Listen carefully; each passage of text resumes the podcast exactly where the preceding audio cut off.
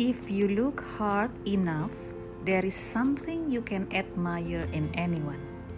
No one is perfect, and everyone has natural born gifts. On the surface, you may not be impressed or approve of someone who is different than you. But if you take the necessary time to understand them, you will find something that surprises and impresses you.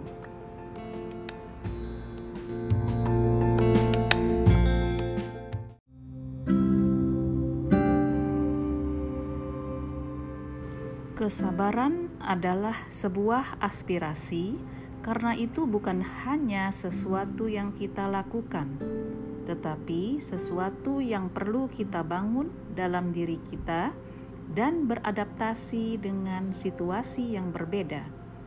Sabar adalah menahan jiwa dari sifat tidak sabar dan tidak senang, menahan lidah dari mengeluh, dan anggota tubuh dari menyakiti diri sendiri atau orang lain.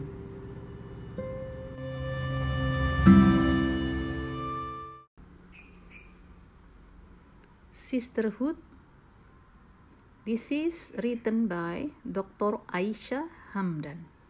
The Prophet ﷺ said, Whoever possesses the following three qualities will taste the sweetness of Iman. One, to whom Allah and His Messenger become dearer than anything else. Whoever loves his brother or sister suddenly for Allah's sake, and whoever hates to refer to disbelief just as he waits to be thrown into the fire. Bukhari and Muslim.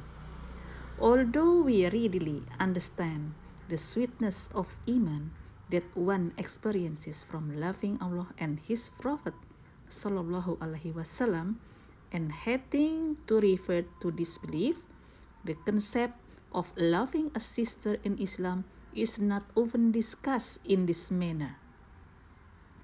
How could love of a sister in Islam be tied to the sweetness of Iman? And what is the sweetness of Iman? In essence, Love for the sake of Allah is a thing that cannot be truly grasped until it is experienced, but some explanation may be beneficial. Love for the sake of Allah.